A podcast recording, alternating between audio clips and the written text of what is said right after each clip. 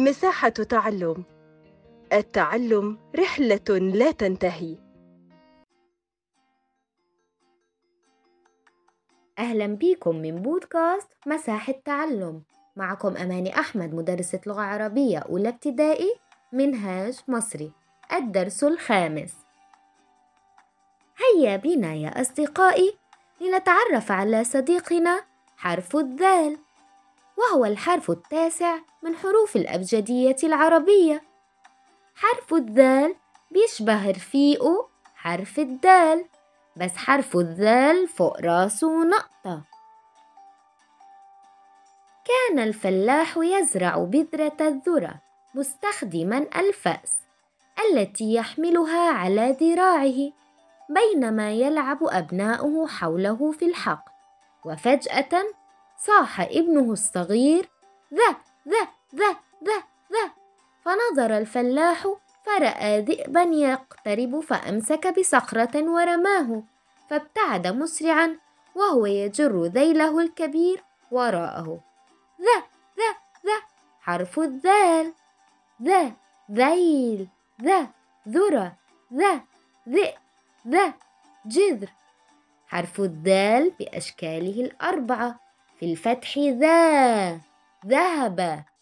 في الضم ذو ذبابة في الكسر ذي ذراع.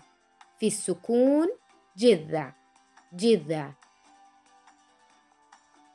أما حرف الذال يا أحبابي في أول الكلمة بيكون شكله مثل كلمة ذيل يأتي منفصلا. أما في وسط الكلمة بيجي متصل بإيد اللي قبل منه مثل كلمة جذر. وفي آخر الكلمة يأتي متصل باللي قبل منه مثل كلمة قنفذ. هيك تعرفنا على أشكال حرف الذال. هيا بنا يا أصدقائي لنتعرف على صديقنا حرف الراء. وهو الحرف العاشر من الحروف الأبجدية العربية. حرف الراء شكله مثل الموزة. كان القرد فرفور يحب أن يركب العربة مع حارس حديقة الحيوان رضا.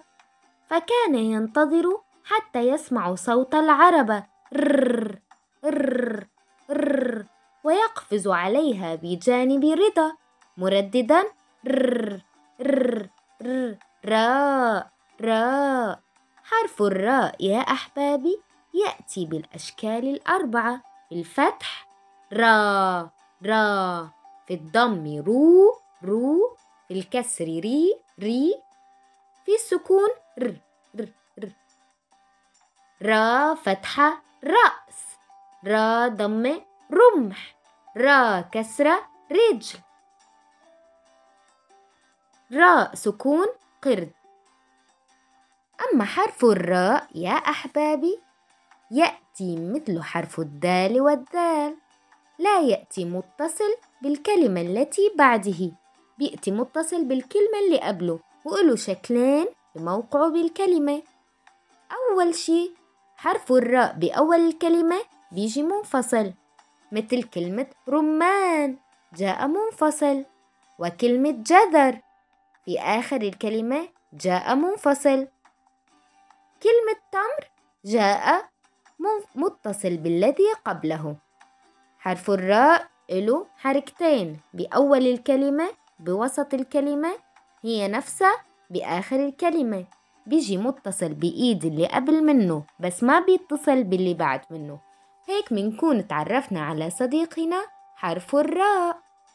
إن شاء الله تكونوا استفدتوا معنا واستنوني بحلقات جديدة.